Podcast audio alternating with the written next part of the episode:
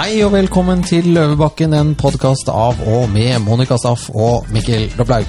Hver uke inviterer vi til fest i Løvens hule her på fjongeste Frogner, hvor vi prater om aktuelle og kanskje ikke så aktuelle saker. Monica og jeg er som folk flest veldig nysgjerrige, og derfor inviterer vi gjester som vi ønsker at både du som lytter og vi som programledere skal bli bedre kjent med. Vi nærmer oss påske, og for å opplyse oss om denne høytiden og så mye og mangt, så har vi invitert en meget spennende gjest. Han er frittalende og uredd samfunnsdebattant. Han, uh, har en kjent bror som jobber i NRK, som heter Jon. Han har vært statssekretær i Kommunaldepartementet under regjeringen Stoltenberg, og han har også skrevet en del bøker. Vi snakker om en meget allsidig herre, men han er nok mest kjent som sjelesørger da han byttet ut jusstudiene med teologi. Vi snakker selvfølgelig om vår alles kjære folkeprest Einar Gelius. Men før vi skal over til Einar, så har Monica fylt glassene sine i noen veldig flotte glass i sølv, så det ser veldig spennende ut. Hva er det du holder på med nå i dag? Ja, er, altså vi har jo da, som du sier, en prest på besøk. Så da ble det altevin i dag. Åh, mm. Er den alkoholfri? Den er ikke det som er greia nå? Ja, Vi kan i hvert fall late som den er alkoholfri. det er vel det man får, tror jeg, til nattverd får man alkoholfritt. Ja, det har blitt litt sånn kjedelig. Ja, men du vet at det, det der siste måltidet til, eh, til Jesus med disiplene mm. Det var vel eh, lam og sånn surt brød, var det ikke det? Ja. For det var et sånn klassisk eh, måltid som de, når de feiret Pesach. Ja, de hadde, ikke, de hadde vel ikke eh, gjær, det var jo sånn ugjæret Jeg vet ikke hva det heter. Syrnet var det kanskje. Syrnet brød, ja. ja. Og så hadde de nok vin med, med alkohol i, tipper jeg, da. Ja, og ja. da gjennomførte de nattverden. Ja. Men uh, før nattverden så hørte jeg noe jævlig bråk her forleden dag. Og en enorm, enorm sånn uh, Ford Raptor extra long edition dundre forbi, så det skrallet i vindusrutene. Og inni der så så jeg et kvinnemenneske som så veldig ut som deg. Var det deg? Ja, du kan si at uhyret har ankommet Frogner, så det er helt riktig. Nei, altså, det er fælt å la seg provosere på den måten også, men uh, det var det eneste riktige kjøretøyet, følte jeg, etter at MDG kom inn i bildet. Så slik har det blitt med slik, meg. Slik har det blitt med deg. Ja, ja. Den bruker mye bensin. Veldig bra. så nei, eh, men eh, altervin er jo alltid litt, litt inspirerende, særlig når jeg har fått bitte lite grann. Kan ta litt kasakhstansk vodka oppi, for det fikk vi jo av den, av den kasakhstanske ambassadøren i forrige podkast. Ja. Så det er, vi begynner å opparbeide oss ganske bra barskap her. Ja. Men Einar Gelius, du er da eh, arendalitt, altså sørlending. Mm. Eh, og for tiden da prest i Søreål, som er en del av Lillehammer. Ligger syd for Lillehammer. Eh, du har vært eh, prest i Vålerenga, og er også er, regner jeg med, fortsatt iherdig Vålerenga-supporter. Det er jeg, vet du. Ja, Har vært nestleder i styret i Vålerenga. Det har jeg også. Ja, Og du har vært prest i Lom. Mm. Og du ble nesten prest i Ibestad i Nord-Norge. Det gjorde jeg også. Det var i hvert fall mange i Ibestad som ville ha deg som prest. Ja, det er hyggelig. Ja, Og da er første spørsmål fra Mikkel og meg er hvorfor valgte du å bli prest? Ja, det er et eh, godt spørsmål, egentlig. fordi at jeg eh, begynte jo å studere juss, og holdt på med det i to og et halvt, tre år. Og så um, oppdaget jeg jo dette var på slutten av 70-tallet. Eh, og da var jo kampen i Sør-Afrika på sitt mest intense. Eh, Apartheid-regimet sto for fall. Og jeg husker jeg ble så utrolig fascinert av Desmond Tutu og Allan Båsak, to svarte kirkeledere, som jo engasjerte seg i den kampen. Og det var egentlig grunnen til at jeg da eh, rett og slett hadde lyst til å reise ned dit.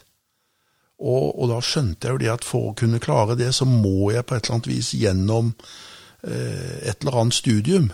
Eh, hvis jeg skal jobbe i kirken, i hvert fall. Og, og jeg undersøkte med svenska kyrkan, og det var flere institusjoner her i Norge òg. Og så havnet jeg til slutt da på teologistudiet. Og da hadde jeg det som mål at jeg ville egentlig reise ned til Sør-Afrika for å oppleve den kirken som jo var veldig levende til stede i folks liv. Det var det den var. Og Det er jo interessant også når i ettertid å høre hva Nelson Mandela også forteller, ikke sant, etter alle disse årene i fengsel. Så, så har de jo hatt en sånn veldig tilnærming til nettopp troen. Den kristne tro har vært en sånn livsnerve hos dem, rett og slett. Og det er fascinerende. Så, så, det var i grunnen bakgrunnen til at jeg rett og slett eh, gikk fra det jeg kaller fra Jeg sluttet med loven, og så begynte jeg med evangeliet. Og, og, eh, og, kom da til slutt på Universitetet i Oslo, hvor jeg fullførte teologistudiene mine. Og der gjorde jeg en, en hovedoppgave om, om, black theology, altså svart teologi. Den... Så det var liksom eh, Ja. Sånn, sånn, var det skiftet. Ja. Er den uh, black theology er den annerledes, holdt jeg på å si? Eller, uh, ja? Nei, men Du må huske på det ikke sant? Altså at alle de vestlige landene har jo hatt kolonier over hele verden. Og det de brakte med seg til de forskjellige lokalfolkene, det var jo ikke bare det politiske, men de, de tok jo også med seg misjonærene. Det vil jo si at eh, eh de svarte i Afrika, de, de, fikk jo da høre alt det misjonærene fortalte dem. Eh, men så fant jo da Desmond Tutu og en del andre ut at ja, men vi kan jo lese Bibelen sjøl. Vi trenger ikke få noen hvite misjonærer til å komme og fortelle oss det. Og det var det som da skjedde, at når de da begynte å lese Bibelen sjøl, så, så, oppdaget de jo at det, disse tekstene handler jo faktisk også om dem. Om deres eget liv. Og Derfor eh, sier de jo ganske tydelig at Jesus han er jo ikke bare en sånn Eh, skikkelse som forteller oss noe om hva som skjer med oss eventuelt etter døden, men Jesus handler jo om livet vårt her og nå. Derfor blir Jesus en slags frigjøringshelt for dem i livet sitt. Eh, så, så det fascinerende er jo det at de, de tok så å si Biblene fra, fra misjonærene og begynte å lese dem sjøl. Og så oppdaget de jo at her finner vi noe som, som vi kan bruke i livet vårt, rett og slett. Fordi kom da på en måte kristendommen til bl.a. Sør-Afrika med koloniherrene, på en måte?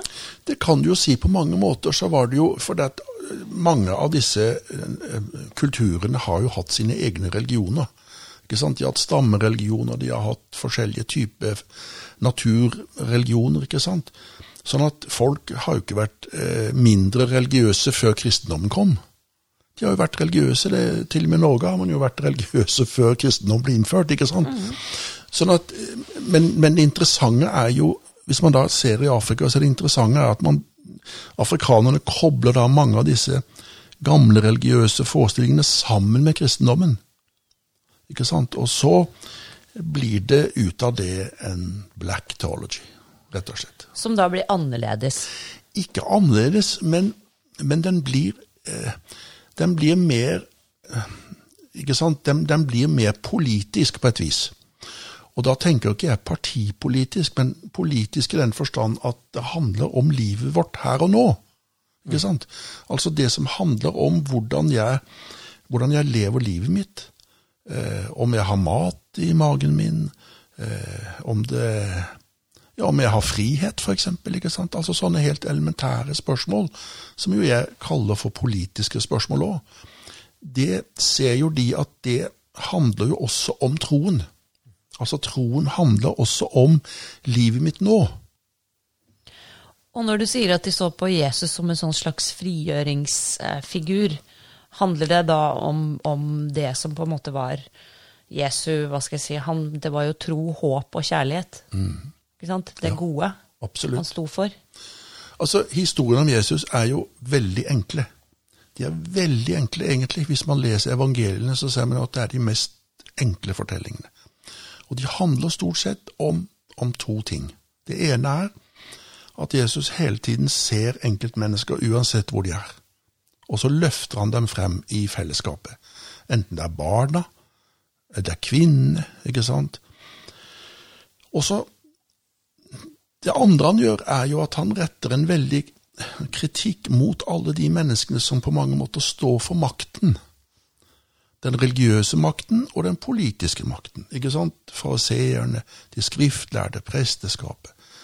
Altså, han, han, er jo helt eh, Han er jo ganske hard i sin beskrivelse av hvordan makten er med på å ødelegge mennesker. Mm.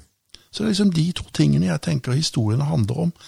Det å se mennesker løfte dem opp inn i fellesskapet, og en veldig hard eh, advarsel mot makten. Hva makten kan gjøre overfor andre mennesker. Og det tenker det jo det Det var jo det sørafrikanerne oppdaget, ikke sant? Jesus er jo nettopp en person som, som inspirerer til nettopp å gå imot makten, som jo da var apartheidsystemet, ikke sant? Og at de oppdaget ja, men jeg som svart har jo like mye verdi som de hvite sørafrikanerne.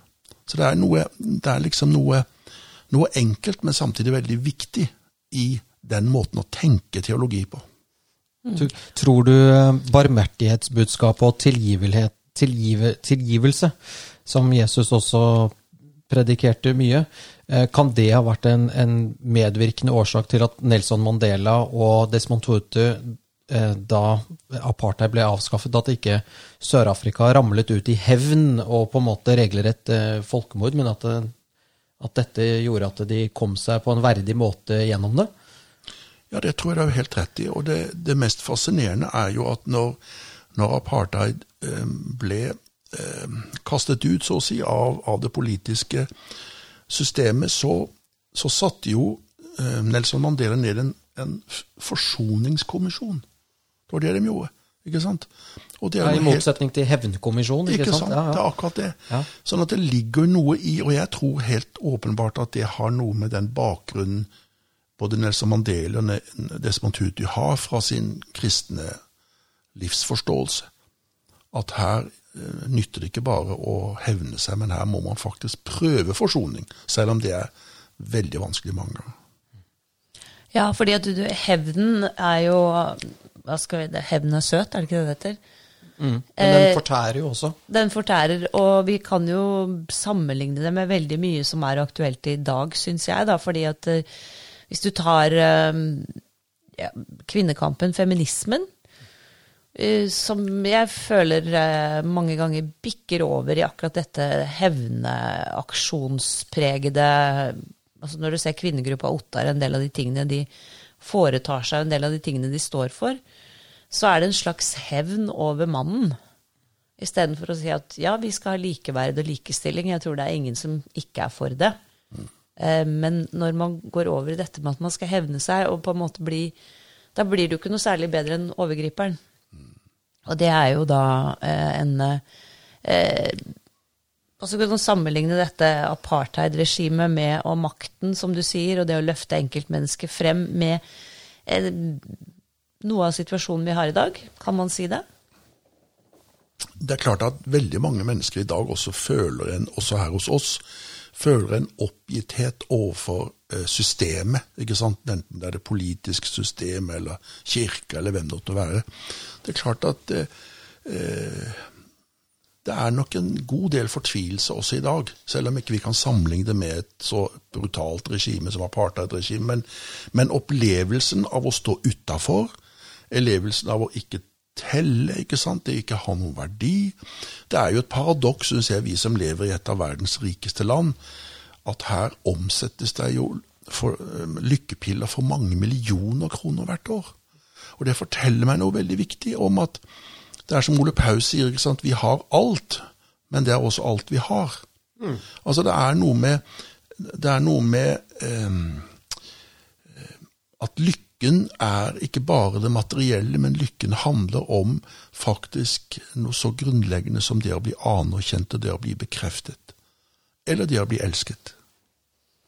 Ja, og vi har jo eh, en eh, Vi hadde en statskirke Eh, og en, på en måte en statsreligion. Det er vel fortsatt i Grunnloven, er det ikke det, at kongen bekjenner seg til en kristne tro, et eller annet sånt. Eh, men eh, vi har da ikke en statskirke lenger, men en folkekirke. Og samtidig så er vi jo, er vi jo sekulære. Det vil jo si at på en måte det er åpent for alle religioner, men at der, staten er ikke eh, hva skal jeg si, bundet til en religion. Og da tenker jeg, når du snakker om dette med at livet er noe mer enn materielle sant, goder, så er dette med Er vi blitt Altså, vi har jo en voldsom styr rundt dette med klima, ikke sant, og hvis du prøver å si at du er litt skeptisk, så blir du nesten brent på bålet. Har, liksom, har, vi, har vi så behov for noe utenfor oss selv at vi nå f.eks. Veldig mange henger hatten sin på klimaspørsmålet. og bruker det nesten religiøst? Ja, det er klart at det er, et, det er også et veldig vanskelig spørsmål å svare kort og kjapt på. Men det er klart at eh, det vi har sett da, etter at statskirken eh, ble oppløst, eller en sånn, det ble iallfall en separasjon, om ikke fullstendig skilsmisse. Nå står det fremdeles i grunnloven vår at man, man skal tilslutte seg den evangelisk-lutherske kirke, sånn at det er for så vidt et, et bånd fremdeles.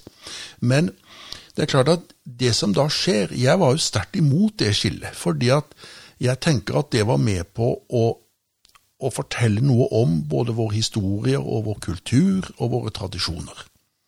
Akkurat som kongehuset også er en anakronisme, så er for så vidt statskirken også det. Men, men det interessante var jo den gangen at det var jo ikke noe flertall i verken Kommune-Norge eller blant kirken til å oppløse staten. Det var noe Stortinget bare gjorde. Men etter det så har man jo sett at, at eh, eh, Hva skal jeg si for noe? Eh, det, er, et slags vakuum, ikke sant? Og det mest dramatiske er jo at tallene, oppslutningen om kirken, har jo sunket dramatisk de siste årene. Etter, etter dette, dette vedtaket kom jo på 80-tallet. Altså Nå er det omtrent bare halvparten av barn som blir født, som blir døpt. Det er halvparten som blir kirkelig konfirmert. Det er under halvparten, kanskje 40% som velger kirkelig vielse. Og til og med når det gjelder gravferder, hvor Kirken nesten har hatt monopol, så ser vi nå nedgang i antall gravferder i kirkelig regi. Og det er klart at Dette er jo en utvikling som, som forteller meg noe om at disse båndene mellom folk og kirke er blitt smuldret opp på et vis. De smuldrer iallfall. Og det gjør jo at, at eh, kanskje det kommer andre ting inn. Nå må vi huske på at i Oslo er jo omtrent 20% av befolkningen mennesker med ikke-etnisk norsk bakgrunn. Så vi har jo fått en, en, stor andel av nye kulturer og religioner inn, sånn at det utgjør noe av dette. Men det er altså fremdeles, fremdeles en del mennesker som jo, og stigende, som jo velger å stå utafor alt. Og det er frustrerende. Og da tenker jeg at kanskje da andre spørsmål, som f.eks. klimaspørsmålet, er ting som da folk eh, engasjerer seg. For jeg tror at det er nokså grunnleggende for oss mennesker at vi trenger å ha noe å engasjere oss i. Noe å være opptatt av. Og jeg tror det bare er sunt at man har et engasjement. Men, men spørsmålet er jo eh, Både klima og mange andre politiske spørsmål kan jo på mange måter ikke sammenlignes heller med det religiøse, for det religiøse handler om, om noen helt eh, annet grunnleggende ting i livet enn overlevelse. For det er jo det klimaspørsmålet man mener. ikke sant? Det handler om vår overlevelse som menneskehet. ikke sant? Mens religionen og kristendommen handler jo om rett og slett de helt nære ting i livet. Hvordan jeg har det med meg selv. Hva slags selvfølelse jeg har, hvilken trygghet jeg har i livet mitt og om jeg har livsmot og håp istedenfor mismot. Mm. Altså noe sånne. Og det er klart at det eh, Det er jo interessant da når man snakker med folk, så ser man jo at, at i Norge har vi ikke tradisjon for å snakke så veldig mye om det religiøse, men, men når jeg har sånn én-til-én-samtaler, så merker jeg også at folk tenker og grubler mye mer enn akkurat hva de faktiske tallene viser at det er nedgang, men, men, folk er opptatt. Og eh, det er klart at klima er et så stort spørsmål som, eh, som jo gjør at eh, jeg tror mange også blir litt lammet av det, rett og slett. At man må bli litt fortvilet. Ja, og så har du jo, ikke sant, Religion avler jo også fanatisme, og det, det, gjør jo dette her også. Det er, det er, kanskje noen arketyper av mennesker som har mer hang til fanatisme enn andre, ikke vet jeg, eller, eller om anledning gjør tyv, holdt jeg på å si. Men vi er jo Altså, jeg føler at veldig mye av det er eh, bikker over i fanatisme. Mm. Og når da når da man som Tredal sa at verden skulle gå under, når var det igjen, Mikkel? Det var vel i fjor. Ja. Mm. Vi skulle ha vært ferdig snakka for lenge ja, siden, egentlig. Det kan du si. ja, altså, men jeg har jo ikke noe tro Jeg har jo ingen tro på sånne dommedagsprofeter. Jeg har jo ikke det. Det har vært for mange av dem opp i, gjennom historien i kirka. Men, men, det er jo ikke Altså, jeg har ikke noe tro på det. Eh, det å skremme folk til, til ting, det har jeg liten tro på. Men har ikke Tredal liksom inntatt rollen som svovelpredikant når han gjør det? Ja, det er klart at det er, det er iallfall eh, det er, iallfall ikke langt unna, for å si det sånn. Og jeg tenker at det kapitlet i kirkens historie må vi bare lukke igjen.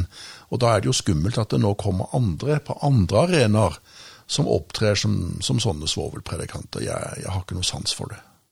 Ehm, jeg tenker også med kirken Eh, I og med at det går ned, er det slik at Kirken eh, har problemer med å formidle det enkle budskapet, og heller har blandet seg opp i politikk og partipolitikk, som gjør at ja, f.eks. sånn som meg egentlig ikke Jeg føler meg jeg kanskje ikke Jeg vet ikke om jeg har en plass i Den norske kirke lenger. Ja. Jeg kommer i gudstjeneste, og så står presten nærmest og forteller meg at jeg er et dårlig menneske. Da får jeg ikke lyst til å gå i kirken. Hva, har du noen tanker rundt det? Ja, altså jeg tenker jo at eh, at Kirka står overfor to viktige utfordringer. Det ene er, og det har vi jo sett de siste årene, at biskopene og kirkens ledere uttaler seg mer og mer politisk. Om oljeboring i nord, om flyktninger, om Moria-leiren, ikke sant. Og nå sist har til og med biskopene laget et eget, et eget dokument om klimasaken. Og selvsagt skal Kirken å være opptatt av det politiske, som jeg sa i stad, i forhold til eh, apartheidsaken og menneskeverd og rettferdighet. Selvfølgelig. Men jeg mener det er helt feil at man går inn i det partipolitiske. At man så å si blir partipolitiske i sin argumentasjon. Og det vi da ser, det er jo at det kommer jo ikke noen flere folk i kirka. Fordi om biskopene uttaler seg om klima eller oljeboring eller flyktninger. Så det er det ene. Jeg tror det er en veldig feil strategi. At man, at man liksom understreker det partipolitiske, også fra Kirkens side. Men det andre er, og det er en like stor utfordring, det er jo at Kirken fremdeles er så opphengt i gamle dogmer ikke sant, og i gamle forestillinger at mange opplever jo at kommunikasjonen med dagens mennesker er veldig vanskelig. For man driver og snakker om ting som man skjedde på 1500-tallet. Man bruker så å si samme forestillingsverden og begreper ikke sant, som Martin Luther og andre holdt på med. Og, men altså, vi lever i en helt annen tid. Så det er Kirkens andre utfordring, at vi er nødt til å kommunisere med dagens mennesker. Og da kan det være at disse gamle dogmene og forestillingene, kanskje de må revurderes litt. Kanskje de må endres. Så jeg tenker at det er to kjempeutfordringer som Kirken har. Eh, bare sånn, Hvis Jesus skulle vært levd i dag, hvordan ville en 2.0-versjon vært? da? Altså for å, I og med at Kirken ikke snakker det språket vi gjør. altså Du skal ikke sette ditt, ditt lys under en skjeppe. Altså, altså det, det er mye uttrykk i Bibelen som ikke eh, gir noe mening Nå har de eh, vel i modernisert den liturgien litt, men Ja, litt, jeg er enig med deg. For ja. noen av tingene de kommer med, og også sånn syns jeg når noen prester skal prøve å være litt sånn moderne. Så nå gjorde jeg et hermetegn, det Ja, ja. syns jo ikke på pod. Eh, og, og da så blir eksemplene også litt sånn banale. Jeg føler at det blir litt sånn Det blir som eh, når en mor bare prøver å være mor og ikke være det mennesket hun egentlig er, da. Ikke sant? Så veldig sånn Veldig sånn enkelt Ja, ja. Da snakker man om fariseere. det liksom, ja, hva er det nå? Hvem var fariseerne? Var de fra Larvik? Ja, ikke sant? Ja. Og hvordan opp, ikke sant? Er det den politiske klassen? Ikke sant? Er det tante Sofie med pekefinger? Hvem er fariseerne, f.eks.? Ja, hvem var de? Altså Fariseerne Det finnes mange, mange, det fantes mange religiøse partier på Jesu tid. Altså grupper. ikke sant? Fariseere, skriftlærde. Og presteskapet, ikke minst presteskapet. Og det var jo disse som satt der og forvaltet sannheten. Som faktisk.no? Ja, ikke sant? Altså, De forvaltet troen på Gud, og hva troen på Gud handlet om. Og det var jo de som på sett og vis hadde makten over folk. Og det var jo det som skjedde, at Jesus rettet jo sin, sin skarpeste advarsel nettopp mot disse. Fordi at han så jo at de gjorde mer ugagn med folk enn de faktisk eh, prøvde å hjelpe folk. Sånn at eh, veldig mye handler om det. Som jeg var inne på i stad, også dette med makten. Altså Jesus eh, gikk hele tiden imot maktovergrepene som skjedde. Det er, eh, Vi snakket jo om eh, dette med barmhjertighet, tro opp og kjærlighet i sted, og, og altså det som på en måte var, eh, var personen Jesus. Du har skrevet en bok som heter 'Jesus og Mohammed'. Og det handler da om disse to som begge to kan kalles å være profeter. Den ene for da etter hvert kristendommen, og Mohammed for islam. Og forskjellen på disse, disse to som eh, du kanskje kan fortelle oss noe mer om. Ja, da skulle vi nesten hatt en egen podkast, men, men eh, det er klart at jeg, jeg har jo bodd 16 år på Vålerenga i et veldig multikulturelt område. Jeg har hatt barn som har vokst opp der, og de har jo vært minoriteter i hele sin oppvekst. Så det er klart at jeg, jeg Og jeg har hatt samarbeid med en god del eh, muslimske menigheter og enkeltpersoner. Jeg var vel kanskje den første som inviterte Aslam Hassan, som jo var en kjent skikkelse eh, i Oslo til en gudstjeneste i, i sin tid. Eh, nå fikk han ikke lov til det, biskopen den gangen. Men, sånn at jeg har jo hele tiden hatt et samarbeid. Men jeg følte, og har følt veldig lenge, at jeg kunne for lite om islam. Og det var bakgrunnen til at jeg nå måtte sette meg ned og lese Koranen, og jeg måtte prøve å finne ut av hva er det egentlig dette handler om. Fordi at nyhetsbildet vårt sier jo veldig mye om Det er jo om islam og i muslimer nesten ukentlig i pressen. ikke sant? Det er det, i en eller annen situasjon. Og vi ser det jo på nyhetene hver eneste dag, enten det er fra Syria eller Saudi-Arabia eller Iran. ikke sant? Sånn at det var bakgrunnen. Jeg ønsket å sette meg litt mer inn i det. Og det, det var interessant, for da fikk jeg jo se noe om eh, hvem Muhammed eh, var og ville være. Og, og jeg tenker jo at den store forskjellen er jo at Muhammed han kjente jo ikke sant, Han levde jo 600 år etter at Jesus døde. Så han kjente jo til både jødedommen og kristendommen. Og Det som er interessant når du leser Koranen, det er jo at du ser at her har han jo egentlig stjålet mye.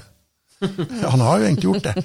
Altså, og det står jo mye om Maria i Koranen. ikke sant? Det står om Jesus der. Sånn at det er veldig interessant, akkurat det.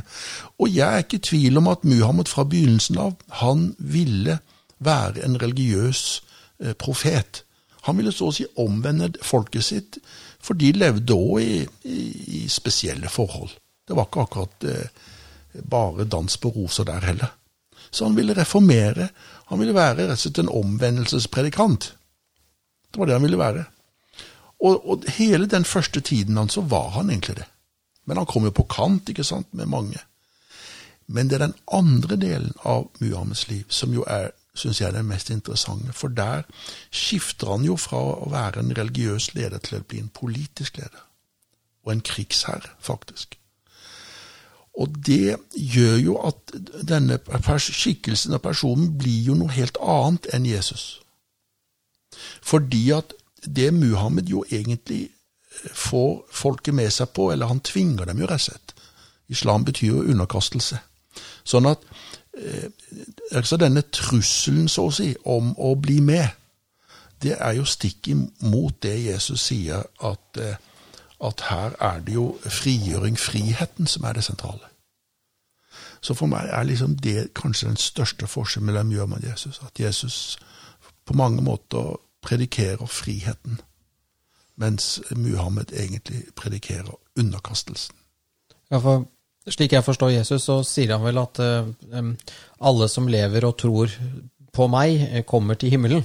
Så det er på en måte en frivillig, det er en frivillig handling. Og, det, og det, det er ett minutt, Du trenger ikke å ha trodd på Jesus i det hele tatt før ett minutt før du dør, men bare du gjør det da, så, du, så er det en plass til deg. Mens, uh, mens uh, Muhammed, eller det, islam er vel mer det at du må underkaste deg, og det er sånn absolutt. Og hvis du til og med er frafallen, så er det jo ikke noe håp. Sånn at det er vel to, det er to forskjellige religiøse dogmer, kanskje? Ja, men du er litt sånn uh, hengt opp i en gammel forestilling, du òg, når du okay, sier ja, men det. Er bra. fordi at, fordi at, fordi at ja. kristendommen handler ikke bare om livet etter døden. Altså hva som skjer med oss etter døden. At Jesus Eh, eh, primært har med det å gjøre. Det primære er jo livet her og nå. Og Jesus sier jo, han sier et sted Guds rike er jo inni dere, sier han. Ja. Altså, Guds rike er i oss. Altså, Gudskreftene er i oss. I og med at vi er skapt av Gud, ja, men så er Gud med oss, i oss.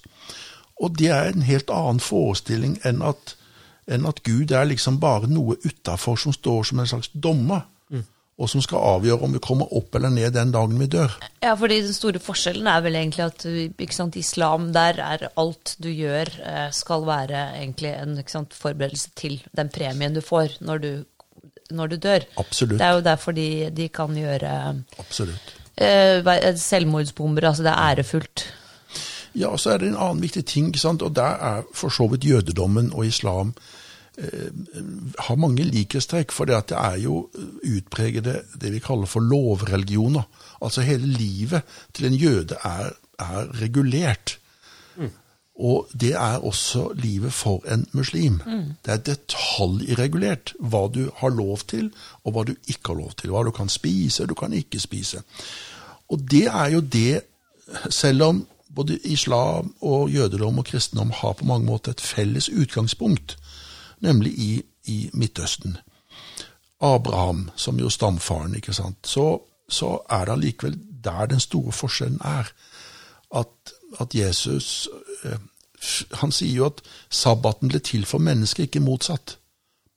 Altså at han, han snur det helt på hodet. Ja, loven ble til for å hjelpe mennesket, ikke omvendt. Altså, ja, ja, litt, ja, Altså at, at, at det, er, det det er ikke loven som er det viktigste. Det er mennesket. Det er hvordan du og jeg har det. Det er, du, det er hvordan du og jeg lever. Det er det viktigste. Og, og dermed så blir det liksom en helt annen måte å se ting på. Og Derfor er det jo Paulus sier mange ganger at det er jo til frihet har Kristus frigjort oss, sier han. Og det er liksom det helt essensielle. Friheten kontra tvangen. Det er den store forskjellen. Ja, og det er jo da i eh, islam for eh, det som kanskje vekket min interesse, kan jeg si det, for islam, var selvfølgelig dette med, med kvinnenes stilling i religionen. De har jo vel ca. samme verdi som en, en geit, eller noe sånt. Det står i hvert fall ikke høyt i kurs. Jeg vet ikke. Jo, jo, men det er jo på en måte den, den mannens eiendel. Det var sånn som det var jo i, i, i Vesten også, før kvinnefrigjøring og sånn, at det var liksom et hierarkisk system, da. Ja. Ja, og i Ja. forhold til at hennes vitnemål teller halvparten av en mann, og som du sier, det er, det er veldig mye regler, og, og de det som er forskjellen på, på kristendommen, da, som, hvor også jeg tror, som du sier, budskapet er jo egentlig kjærlighet i kristendommen, men det har vært brukt av maktmennesker til å holde mennesker nede. Eh, sånn at selve filosofien, kan du si, i kristendommen har alltid vært den samme, men kirken og makten, som du snakket om i sted, har, har brukt den til å holde folk nede. Eh, i, I mange, mange, mange, mange hundre år, til vi nå har en kirke i Norge som er ganske liberal. Ikke sant? Og har latt seg reformere, mens jeg opplever islam som nesten det motsatte. Ja, du kan si at det har skjedd en veldig utvikling i kirken. Og det er jo fordi at, at kirken på sett og vis bare gjenspeiler samfunnsutviklingen. Ikke sant? Når vårt samfunn utvikler seg i mer demokratisk, åpen retning, ja, men så blir også kirken det. Det er ikke sant, De bare følges ad. Islam har jo på sett og vis stått på stedet hvil siden 1400-tallet. Ikke sant? Sånn at det er noe med eh, det er noe med selve anskuelsen på livet, ikke sant? altså på verden, som er så helt annerledes.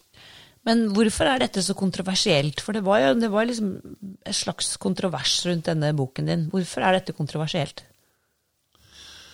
Du vet, Det som er utfordringa i Norge i dag, det er jo at mennesker sånn som meg, som da tør av og til å uttale seg noe kritisk om det som kanskje er den gjengse oppfatning, så blir man jo veldig fort stemplet både som rasist, kanskje, eller som ja, det som verre er.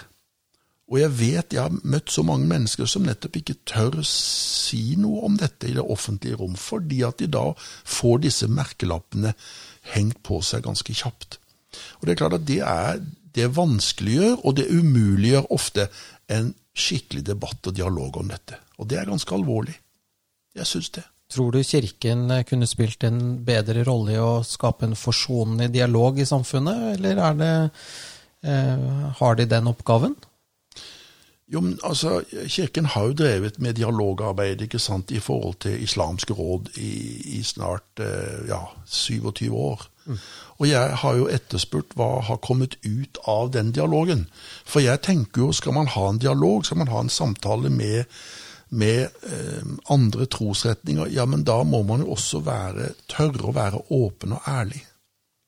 Tørre å sette ord på det som er vanskelig, og de vanskelige spørsmålene. Og her mener jeg at Kirken har vært altfor naiv, rett og slett, i det arbeidet. De har ikke oppnådd nesten noe som helst. Og, og, og vi er livredde for å støte noen. Men jeg tenker at det handler ikke om å støte noen, men det handler faktisk om å gi rom for en åpen og, og ærlig dialog. Samtale, debatt. Ja. og jeg vil jo si at det er jo ikke noe altså Jeg er jo absolutt helt imot eh, veldig mye av det islam står for i forhold til eh, undertrykking av individet, av kvinner. Er, eh, og jeg mener at det er veldig lett å være enig i. Det strider jo imot alle demokratiske prinsipper.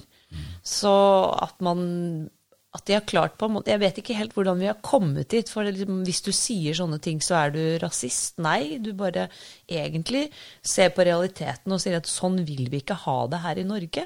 Dette er ikke sånn vi har det. Og så er jeg enig med deg at Kirken har uh, vært veldig naiv i møte med, med, islam. Men det er jo da den, den kristne måten å møte kanskje også andre mennesker på, da, som ikke er så vellykket i møte med en, den type ideologi? Nei, men det er jo uh, veldig uh, ille, syns jeg, nå når vi vet at kristne så å si drives ut fra Palestina, fra disse uh, områdene hvor Jesus faktisk levde sjøl, hele Midtøsten. Da er jo kristne en, en, i ferd med å, å bli ja, radert ut. Ja. Ikke sant? De er det. Koptiske kirken. Og, hvor, og, hvor er, og da tenker jeg, hvor er da Eh, Den norske kirke i, i den saken. Ja, hvor er de? Ja, hvor er de? Det lurer jeg også på mange ganger. Hva, hva er liksom grunnen til at altså, jeg, jeg, med min beste forstand kan ikke fatte og begripe hvorfor ikke de tar den saken også, som du sier, de kristne i Midtøsten som er forfulgt og blir kjeppjaget og drept. Og, eh, og vi har denne her Ja, for de bruker tid på klima istedenfor ja, ja. ja, og ja. oljeleting i Nord-Norge og slikt. Ja, og Sylvi Listhaug er slem. Det også, ja. selvfølgelig. Men hun går med kors. Det gjør hun faktisk. Det er fryktelig provoserende. Nei, men det, er, men, det, men det, er, jo det som er, som du sier, Monica, veldig rart at man ikke at, eh, at, der tør de ikke å ta en Er det kontroversielt for Den norske kirke å stå på lag med kristne som blir forfulgt i, i Midtøsten? Nei, Jeg tenker at det burde jo vært et mye større engasjement i forhold til det spørsmålet. Det altså, men, men, det er noe man tør ikke, man, man våger ikke å gå inn i, i spørsmål som er, eh, som er, litt sånn brennbare, og som, og som, men som egentlig handler om liv og død for mange mennesker. Det er det de gjør. Og da, må, da kan ikke Kirken Eh, bare sitte stille, syns jeg. Man kan ikke det. Man gjorde det i apartheidsaken, og det var en viktig sak, for den handlet om menneskeverd. Ikke sant?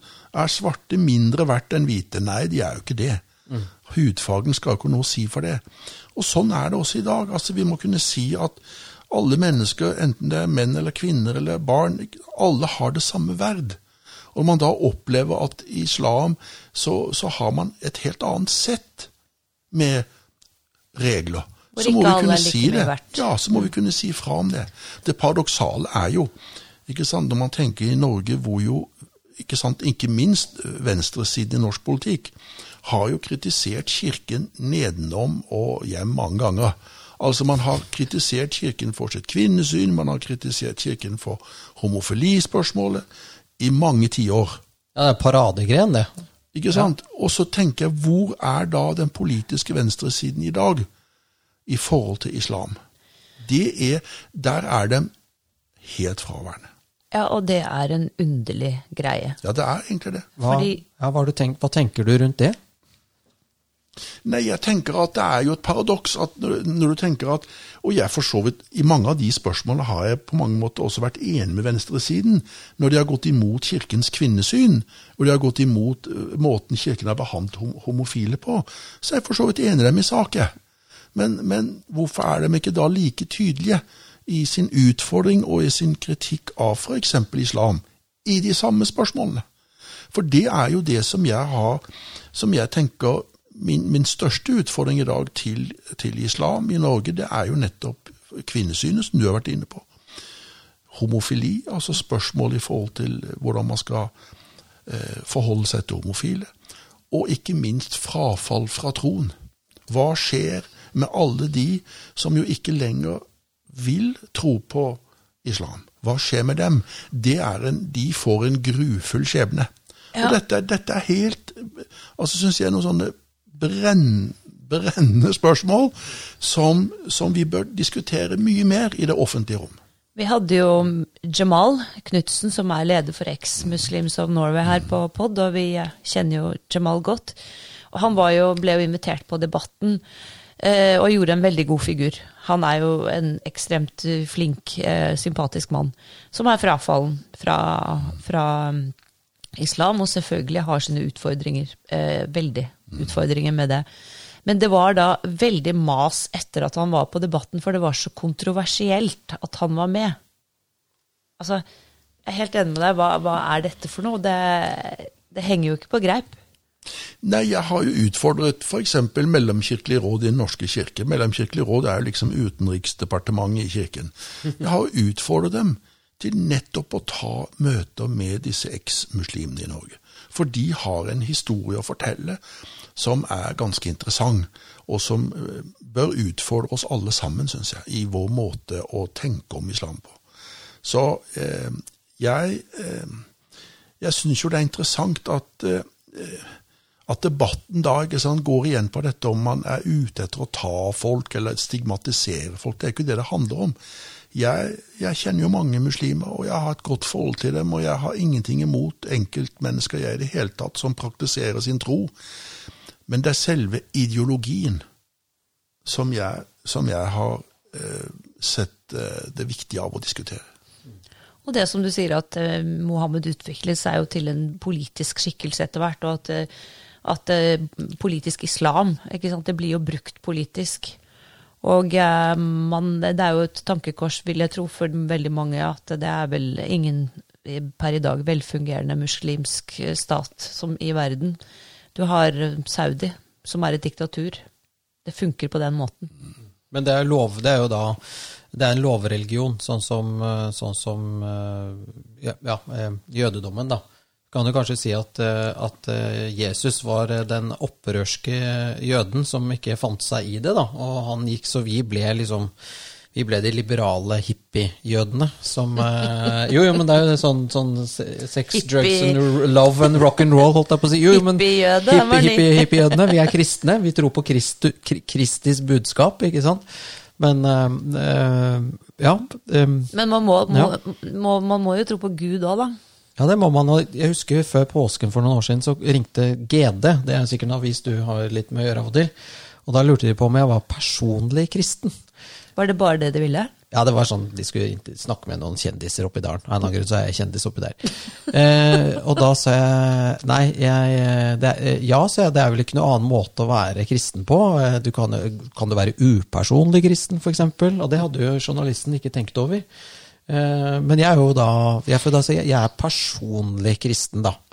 Eh, uten at, og det er mange som syns det er flaut å snakke om. Syns du Nei, du var kulturkristen, Monica? Jeg er kulturkristen, ja. Mm -hmm.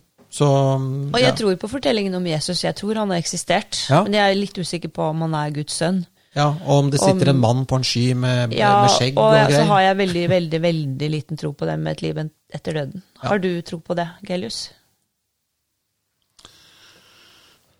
Jeg har jo mest tro på livet her og nå. For det er nå vi lever. Og det er nå vi egentlig kan utnytte hver eneste dag. For vi vet jo lite om framtida. Ingen vet jo hva som skjer i morgen. Men vi har livet her og nå, iallfall vi tre som sitter her. Og da tenker jeg da er det så utrolig viktig å, å bruke de mulighetene vi har. Grip dagen, ikke sant. Carpe diem. Eh, husker Finn Schjøll sa en gang at livet er ikke noe venteværelse, men det er et arbeidsværelse. Oi. Og det er veldig godt sagt. Det er veldig godt sagt. Livet er et arbeidsværelse. Det vil si at ja, men vi må benytte dagene. Vi må benytte livet. Det er det vi har nå.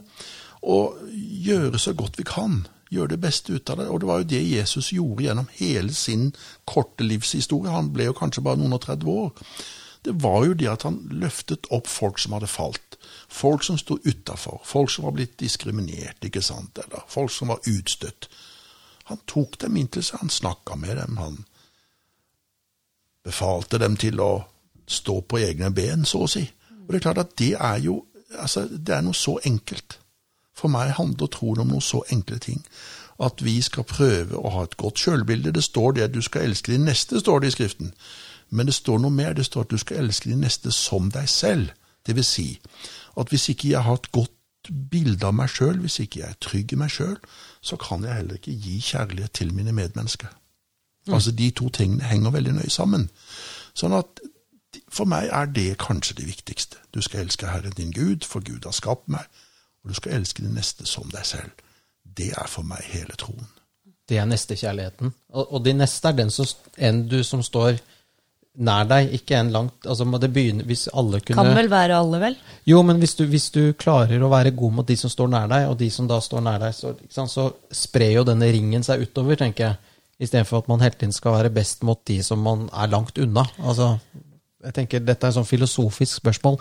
Ja. Hvem er de neste? Du tenker på den, jeg så en sånn reportasje fra gamle Oslo, hvor jeg tror det er veldig stor del av velgerne til MDG bor.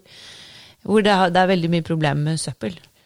Fordi det er sikkert litt problematisk å sykle til Fyllinga, antagelig, eller noe sånt. fordi det, de settes ut, altså det er så dritt overalt i gatene. Så tenker jeg det der med liksom å bry seg om de nære ting. og så de er jo så opptatt med å redde verden, ikke sant? at de, de ser ikke rottene som løper rundt i sitt eget søppel.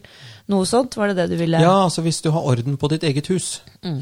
så kan du hjelpe altså Det er ikke mulig å hjelpe, ta noen andre inn i ditt eget hjem hvis ikke du har orden på ditt eget hjem og at de neste er en som du på en måte står nærmere enn f.eks. Det er helt håpløst om jeg skal hjelpe eh, Altså, jeg, jeg, jeg, har fadder i Redd Barna, bla, bla, men det er liksom, jeg, jeg, føler ikke at jeg skal hjelpe noen i Afrika. Jeg vil heller hjelpe noen jeg ser på gata her i Oslo. Jeg føler at det er mer nært, da. Det er mer meningsfullt. Også hvis alle tenkte sånn, så ville dette spredd seg utover. Og alle hjalp sin neste, så ville jo hele verden til slutt være et bra sted å være. Eller er det for filosofisk? Ja, litt filosofisk syns jeg det ble. Eh, for det er klart at min neste er jo for så vidt alle de menneskene man møter på vår vei. Og det handler jo da om hvordan vi møter hverandre. ikke sant? Det handler om at jeg må øve meg i å lytte mye mer når jeg møter nye folk. Og det handler i å være bevisst hvordan vi kommuniserer med hverandre. Og jeg prøver i hvert fall å si til meg sjøl at uansett hvem jeg møter, så skal, jeg, så skal jeg iallfall prøve at den andre som jeg møter, skal iallfall føle seg ivaretatt. Eh, at det kan være liksom et mål. Men i utgangspunktet er jo min neste alle de jeg møter på min vei. Og det er jo mange i løpet av en uke eller en, et år, ikke sant. Og det kan være både fjern og nær, tenker jeg. Mm. For det henger sammen. Ja. Det er det de gjør. Og det er klart at jeg, når jeg har vært opptatt så mye av Sør-Afrika og, og blacktology, så er det jo fordi at man også da ser en historie. At det er klart at Vesten har jo en historie i Afrika som da forteller også noe om at, at eh, den har jo ikke bare vært en solskinnshistorie.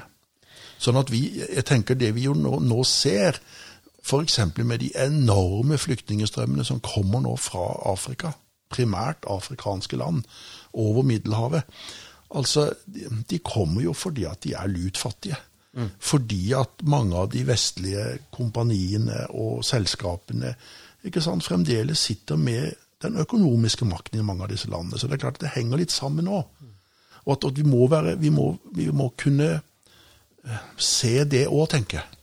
Det var noen som sa at Nigeria er verdens rikeste land pro capita når det kommer til ressurser, men mm. det er ingen i landet der som får Altså, det er diamanter og olje, og alt, men alt bare ender opp uh, ingen som ser noe av det. Det er ikke noe sosialdemokrati der, i hvert fall. Nei. Nei, det er Altså, du kan si at det er jo Det er en, det er en kombinasjon av uh, svarte ledere som jo er ofte diktatoriske, og som putter penger i sin egen lomme.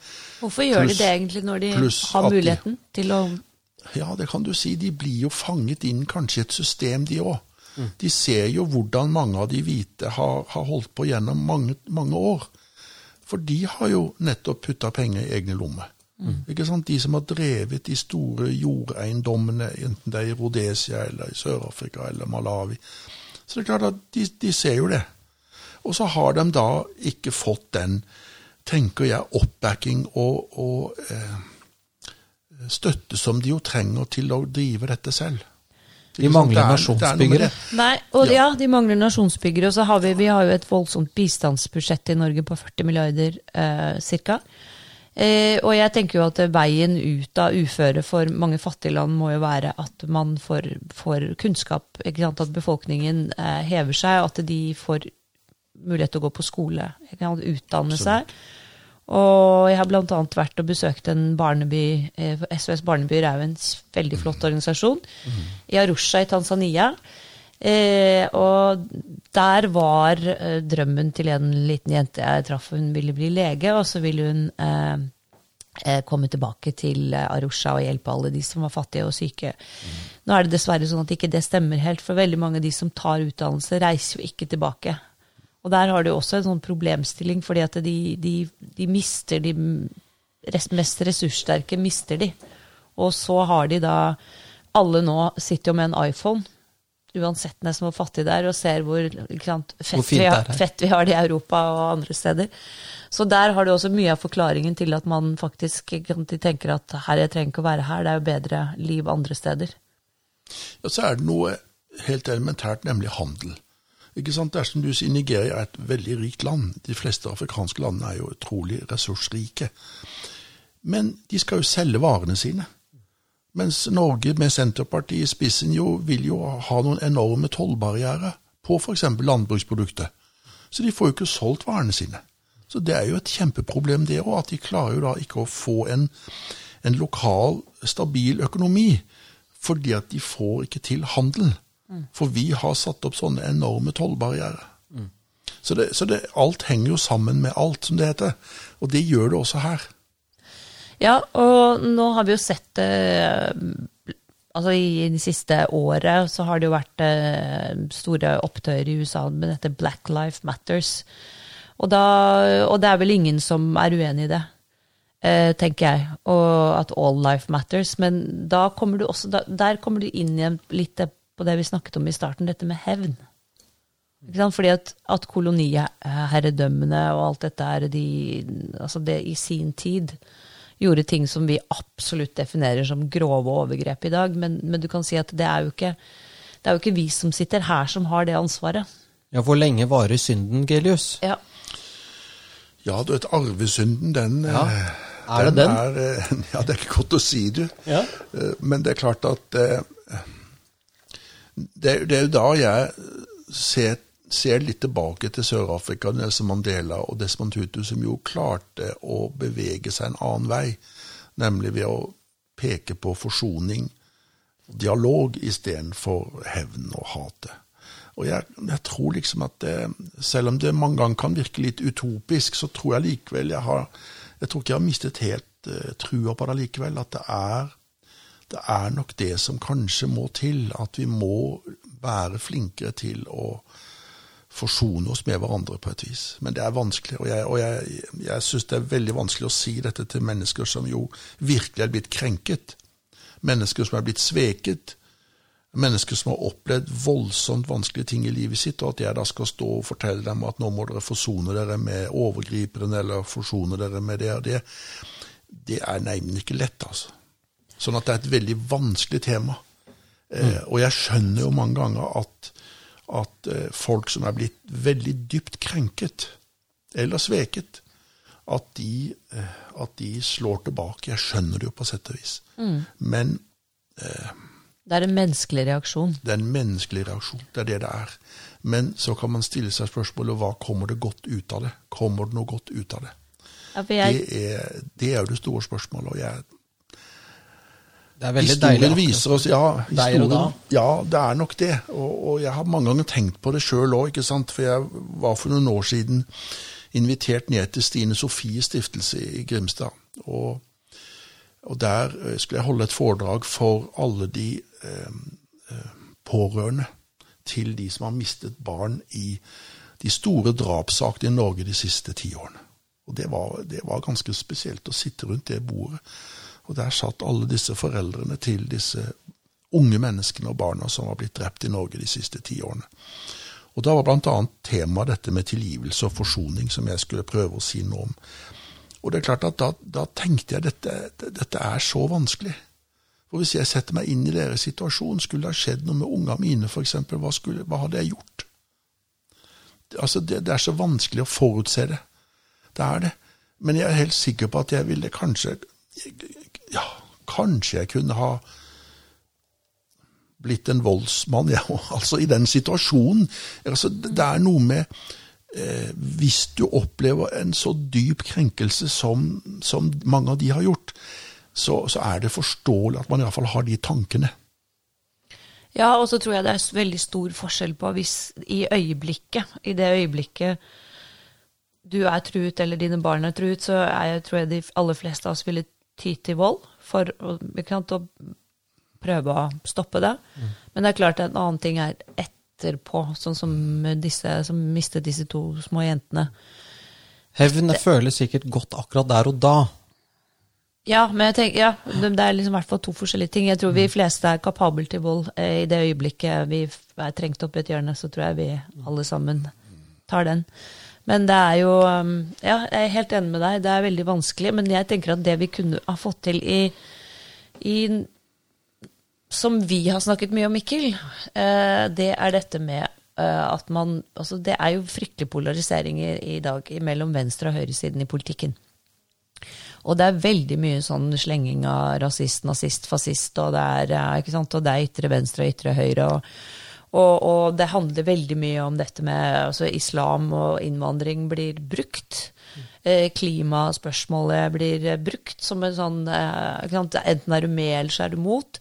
Og det er veldig vanskelig å, å få folk til å, å, snakke sammen og forsones om dette. For jeg tenker at vi kunne, vi kunne, gjort mye, mye bra for folk som virkelig har vært utsatt for krenkelser, hvis vi hadde stått sammen. Istedenfor å drive og slåss med hverandre hele tiden. Mm. Men det er vel det som bringer oss over til uh, egentlig det som var temaet i dag, og det var jo påske.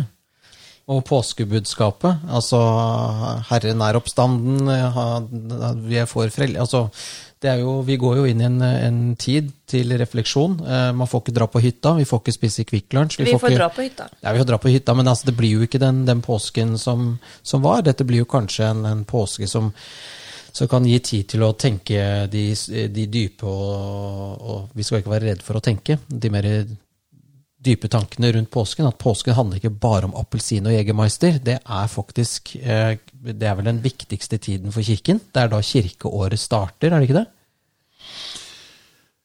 Det er ikke da kirkeåret starter, for det starter i første søndag advent. Ad, da, da, da starter kirkeåret. Ja. Der ble jeg tatt på senga her. Ja. Jeg trodde dette liksom, var liksom påsken Nei, som var det men, viktigste. Ja, det er jo det er klart at for kirken er jo påsken den viktigste høytiden. Mm. Eh, fordi at når vi da feirer gudstjeneste, husk på det hver eneste søndag, så gjør vi det jo fordi at vi tror at Jesus seiret over døden. Det er jo det, det er den eneste grunnen til at vi feirer gudstjeneste, faktisk. Hver eneste søndag. Så vi feirer jo oppstandelsen hver eneste søndag. Mm. Så derfor er jo påsken viktig for kirken og for troen. Eh, og det er jo et drama, ikke sant. Det er jo et drama, Nå har vi vært innom mange spørsmål her. Det er jo et drama mellom liv og død der òg. Og det er svik, og det er sølvpenger, og det er mye det er greier. Alt mulig. Det er jo en uh, fantastisk historie. Det å lese bare lidelseshistorien er jo en, er jo en uh, Ja. Den gir mange inntrykk, for å si det sånn. Den gjør det. Og jeg, jeg, jeg tenker at når man nå kanskje får litt tid denne påsken til å sette seg ned bare og lese disse evangeliene om lidelseshistorien, at det kan være til ettertanke, bare det, tenker jeg. Har du vært i Jerusalem? Jeg har vært i Jerusalem. Ja, Det har jeg også. Det var jo ja. utrolig fascinerende å se ja. disse stedene som omtales i spesielt disse dagene i påsken. Ja, det er veldig fascinerende. Og veldig sterkt, egentlig, å, å gå disse stedene og være der og oppleve Getsemanehagen. Ja, det er det. Og det er på en måte alle, alle Det er vel både sivilisasjonens vugge, på en måte. Eh, det var vel noe sånn at sekere og inkaer borte i, eh, det andre kontinentet. Men eh, den, den mer sånn eh, hva skal jeg si, sofistikerte sivilisasjonen oppsto vel i Midtøsten. Jeg vet ikke hvor mange mennesker kan det ha vært som bodde i det området der, eller det hele tatt på jorden på den tiden? Hvor mange var det? Nei, det er ikke jeg den rette å svare på. Men jeg vet i hvert fall at det som er mest fascinerende med Jerusalem, det er jo at her møtes nettopp de tre store religioner. De har noen av sine viktigste eh, hellige plasser der. ikke sant? Du har moskeen som ligger midt i eh, Ved Klagemuren. ved Klagemuren, og rett nedenfor ligger Klagemuren, som jo er jødenes viktigste, helligste sted. Og ikke langt derfor ligger både eh, altså, eh, gravkirken og Getsemane. Så du har liksom disse eh, Ja. Og det, det, det, det forteller noe om at, at, denne byen har en historie som jo, har, som jo fremdeles påvirker og er fundamentet for, for tre av verdens største religioner. Sannsynligvis så har det vel vært én. Én måte å tro på, og så har det blitt litt fraksjonering og sånn som det pleier å være. Ja, du, Det de har felles, både jødene og muslimene og kristne, det er at de tror på den monoteistiske Gud. Altså det vil si at de tror på én Gud. Og det har de felles. Hvis man drar til Østen, ikke sant, buddhisme og hinduisme, så har man jo masse guder. Og Guds forestillinger. Så det er det, det er det som er det store fellestrekket ved disse tre religionene. Det er troen på den ene Gud. Mm. Det var jo det som kanskje også gjorde det som en, eh, i hvert fall kristendommen til en eh, ekstremt uh, vellykket religion også, med kristningen av Norge eller Europa også. At man, at man fikk altså på det, ensrettet systemet.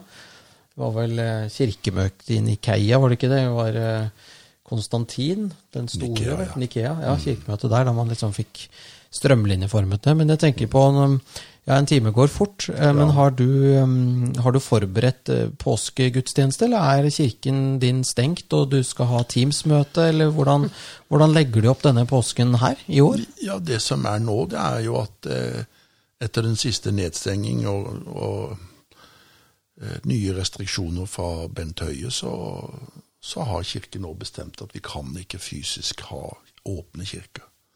Det blir for stor smitterisiko ved å samles, enten det er 20 eller 50 mennesker, så er det en for stor risiko. Så, så dessverre så blir det ingen eh, åpne kirker i år. Det kan være at noen kirker vil være åpne for at folk kan komme inn og tenne et lys, men det vil altså ikke foregå noen gudstjenester der. Mm. Eh, men nå har jo Kirken også lært det siste året å bli flink på nettet, så vi har jo strømmet mange forskjellige gudstjenester og arrangement på nettet. Så der finnes jo et utall av muligheter. Og det åpnes også en, en, ny nettside nå som heter Det skjer i kirken, hvor man da vil kunne finne alle typer arrangement for kirken i hele landet vårt. Så det, så det gjøres en del ting. Eh, men, men, det er klart det er jo dramatisk også for kirken. Vi har jo nå fått tallene for kirkebesøk i fjor, og det er jo en halvering av, av besøket eh, fysisk i kirkene. Ja. Eh, mens altså oppslutningen om en del arrangement på nettet har, har da økt kraftig. Ja, i, i eh, Øyer og 13 så hadde de julegudstjenesten. Da kunne man være utendørs med bil, sånn som i USA når de har sånn utekino. vet du. Drive-in kirkegudstjeneste? Kanskje ja. du kan ha det i Sør-Ål? Du, jeg hadde ja. faktisk eh, På julekvelden så hadde jeg også to eh, utegudstjenester. Da sto jeg utafor kirken og hadde ja, godt, eh, godt, med tøy på, for det var kaldt. Men det var en god opplevelse. Vi var faktisk, til kom en, til sammen et par hundre mennesker. Så det, så det var veldig bra. Og, og, veldig spesiell opplevelse. Mm. Det, er, så er det er jo nesten så det, kunne vi, det, er som du sier, det, det, er jo så hyggelig å prate. Vi kunne snakket og snakket og snakket, men eh, nå, tiden løper jo litt fra oss, Monica. Ja, for det er sånn rett og slett snart påske, og vi må finne fram nikkersen og Jegermeisteren? Nei, nei, bare nei nå må du slutte å snakke. Jegermeister er ikke noe godt. Det må du lære deg. Eh, nei, det er påskekyllinger, og det er påskeharer og påskeegg og alt mulig. Det er jo mye rart som har kommet til som tradisjoner i påsken, men eh, det er i hvert fall som er igjen av de, de, de, kristne når det gjelder maten, er vel påskelammet på påskeaften. Eh, det var jo allerede når de feiret eh, påske i, disse, i Egypt, ikke mm. sant? Mm. Var det ikke sånn det var? De spiste dette lammet og det syrnede brødet vi snakket om i sted. Nå ser han strengt på deg. Er det riktig? Ja, altså, du vet, eh, lammet har jo en veldig viktig funksjon. Eh, Jesus som den gode hyrde eh, er jo kanskje et av de sterkeste bildene på, på Jesus. Og det er klart at den, den hyrden Og så henspilles det seg også på dette med offerlammet, ikke sant? Altså Jesus som ofret seg eh, for menneskene. Så en slags dobbel betydning. Ja, Det Guds lam, du som bærer verdens synd, er det ikke det Helt de sier? Ja. Mm. Det leser vi jo under nattverden. Du Guds lam. Ja. Som bærer verdens synd. Ja. Så det er jo eh, Skal du spise lam på påskeaften, eller er det Det er ikke utenkelig, det. Det er ikke utenkelig. Nei. Nei.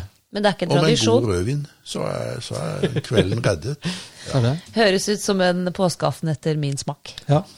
Kunne vi kanskje, vi er litt vanskelig å ha nattverd her, men, eh, men er, det, er det noen du ønsker liksom å si til, til folk som sitter hjemme og er litt lei seg og tenker gjennom, eh, tenker gjennom livet nå i, i, ja, i koronatider? Som eh, noen oppløftende ord før vi avslutter podkasten med påskebudskapet? Ja, så jeg, for noen år siden så var jeg oppe i Lierne, var med på et arrangement der oppe, og så dro vi rett over til svenskegrensen, til en liten landsby som heter Gjeddede. Og der var jeg inne med en antikvitetsforretning. Og masse rart, ikke sant. Og der fant jeg en sånn gammel platte, en sånn tallerken. Eh, ikke noe særlig pen, men det var teksten som sto på. Der sto det 'Var vid godt mod'. Altså 'vær ved godt mot'. Og det er vel kanskje det som eh, jeg tenker påskeevangeliet handler om, at vi ikke må miste motet. Vi må ikke miste håpet, selv om livet ofte er vanskelig, og nå i pandemien gjør det utfordrende for oss alle. Vær ved godt mot. Det tror jeg var en ganske bra sånn eh, closing line, Monica. Absolutt. Nå er det bare å være ved godt mot, så håper vi pandemien er over snart. Og så skal vi glede oss over påsken på hver vår måte. Og det er både til fjells og i byen, og jeg håper at dere alle koser dere med påske og familietid. Eh, god påske fra Mikkjel og meg Ja. og herr Hei. Gelius. Ja, så Vi får ikke spilt inn en post neste fredag, er jo langfredag. Så da blir det ikke noen ny podkast. Nei, det er sant. Men den er jo så lang den fredagen at da kanskje du kan høre på denne to ganger. Og kanskje Ja, for alle, pod alle podkastene Hører veldig godt etter så jeg får med seg alt. Ja. ja, nei, men Ja, det er et godt tips. Nei, men folkens, god påske alle sammen. Og vi eh, snakkes eller høres etter påske. God påske.